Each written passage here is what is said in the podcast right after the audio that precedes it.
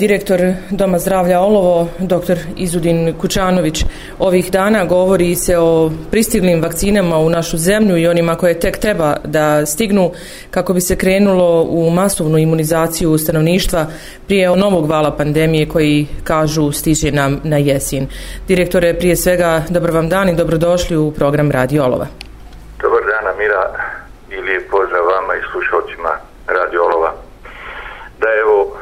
u pravu ste mi e, smo u toku vakcinacije protiv COVID-19 infekcije, a koristimo ovo zatišje u broju oboljelih da e, vakcinišemo što veći broj našeg stanovništva. E, prije nego što krenemo na, na temu vakcinacije, ja bih da e, samo kratko napomenem taj bilten, COVID bilten današnji, Dakle, u ovom momentu, na dan 5.8.2021. godine, na području općine Olovo nema aktivnih COVID pozitivnih lica. Nemamo lica u izolaciji, nemamo nikoga u izolatoriju u KC Sarajevo. Do sada je oporavljenih na našem području bilo 346, uz nažalost 21 smrtni ishod koji je u direktnoj vezi sa COVID-19 infekcijom. Drago nam je to čuti da su takve informacije, zato se nismo odavno ni čuli. Zatiše traje evo već da. nekoliko dana, odnosno praktično od 27.7. mi nemamo pozitivnih slučajeva, tako da evo koristimo sve raspoložive i resurse i, i naše snage da e, vakcinišemo što veći broj stanovništva. E, kad se tiče vakcinacije, mi smo e, u, upravo je u toku domu zdravlja vakcinacija stanovništva mi ćemo u toku današnjeg dana i sutra dati novih 300 doza našem građanstvu, tako da e, sa, sa ovih 300 doza koje ćemo dati danas i sutra ako Bog da, e, ukupan broj doza koje smo dali u Domu zdravlja Olovo je 2507, odnosno 1731 osoba je do sad primila vakcinu. E, sa sutrašnjim danom i završetkom ovoga ciklusa sad ovih 300 za, za ova dva dana mi ćemo završiti e, proces e, imunizacije e, prioritetnih skupina e, odnosno e, sve one spiskove koje smo imali e, kada smo radili e, anketu o zainteresovanosti za, za vakcinaciju protiv COVID-19 u mjesecu februaru mi se ova dva dana iscrpljujemo. E, želim napomenuti da ne samo da smo e, imunizirali e, pacijente starije od 65 godina iz naših porodičnih medicina, ne samo da smo imunizirali e, hronične bolesnike, e, imunizirali smo i sve značajne javne službe u ovom broju. Tako da evo od, već od sljedeće sedmice mi krećemo na, na ono što se zove u žargonu masovna imunizacija, odnosno e,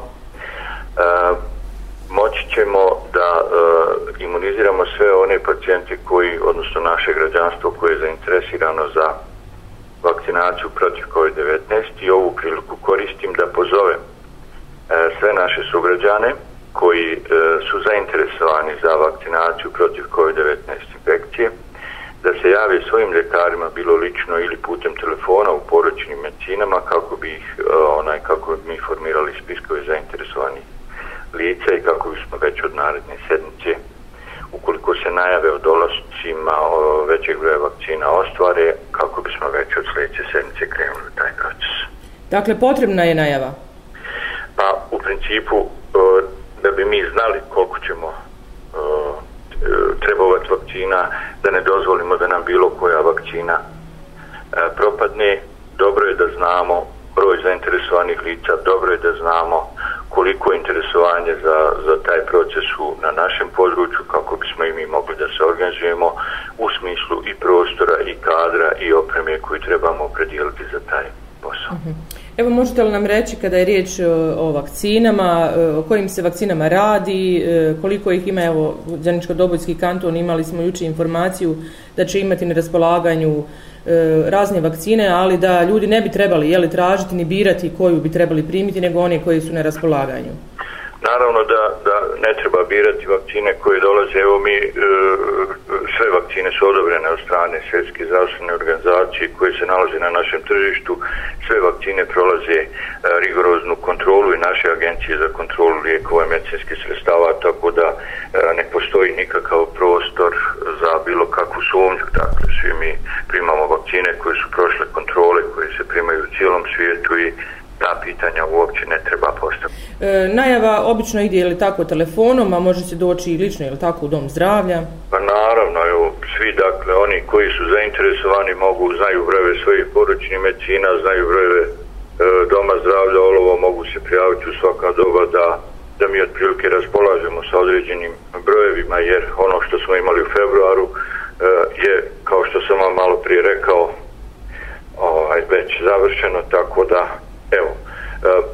ja i privrednim subjektima da e, razgovaraju sa svojim radnicima da e,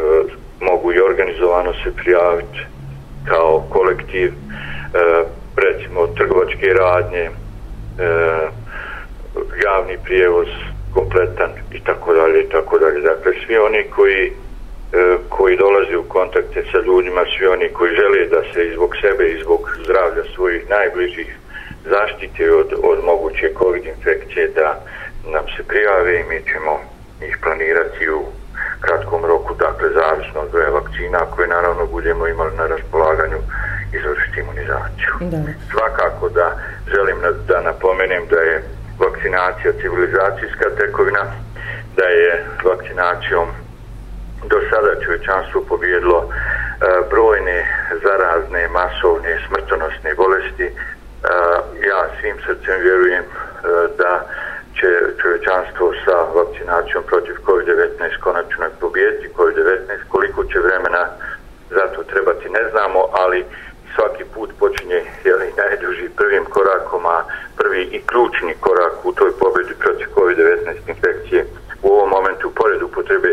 zaštitnih sredstava, maske, rukavica, dezinfekcijnih sredstava je naravno vakcinacija kao nešto što je apsolutno medicinski utemeljeno u zaštiti protiv COVID-19 infekcije. Dakle, evo da zaključimo na kraju, od sljedeće sedmice Dom zdravlja Olovo e, počinje sa imunizacijom stanovništva, odnosno vakcinacijom svih zainteresovanih sa područja naše opštine. Potrebna je samo najava u Domu zdravlja Olovo. Tako je, ja želim samo da, da napomenem da je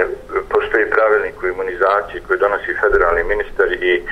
prije nekih desetak dana su tu napravljene izmjene određene i promijenjena je dobna skupina, odnosno ranije je po pravilniku bila da, da vakcinaciji mogu e, pristupiti, odnosno da se vakcinacija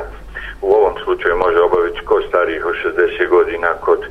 hroničnih pacijenta i tako dalje. Ovdje dodate još jedna stavka i kaže i ostale dobne skupine. Dakle, vakcinacija protiv COVID-19 infekcije se ne preporučuje mlađima od 18 godina još uvijek na našem području e,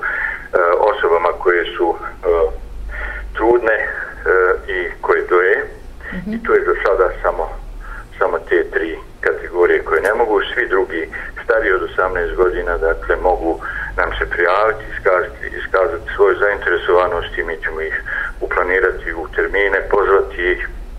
i dati im vakcinu. Hvala vam puno, e, doktore, direktore, e, i čujemo se svakako i naredne sedmice o imunizaciji, evo mnogo informacija i onoga što bi trebali jeli, uzeti sa pravih e, izvora. Hvala vam Tako, isključivo, izvinite, da. isključivo iz zvančnih izvora uzmati informacije, dakle, antivakcinalni lobby su u cijelom svijetu prisutni, jaki i tako dalje. Ja sam se svakakvih gluposti naslušao znači vezano za vakcinaciju, ali opet sam, kao što znate, među prvima primio vakcinu u, na našoj općini. Da. Uh, primio vakcinu, evo, nisam više ni, nisam ni ovaj, uh, nikakvih značajnih posljedica imao, ni ja, ni bilo ko od ovih, evo, 2507 ljudi koji su do sad primili doze vakcine. Prema tome radi se o jednom E, sigurnom medicinskom sredstvu koje svi mi primamo i koje ja toplo preporučujem i savjetujem da primi svako e, stari od 18 godina kako bismo postigli e, jednu eh, jedan procenat ljudi koji imaju kakvu takvu zaštitu eh, i spriječili širenje u zajednici jer eh, neminovno je da dolazi sljedeći val pandemije pratite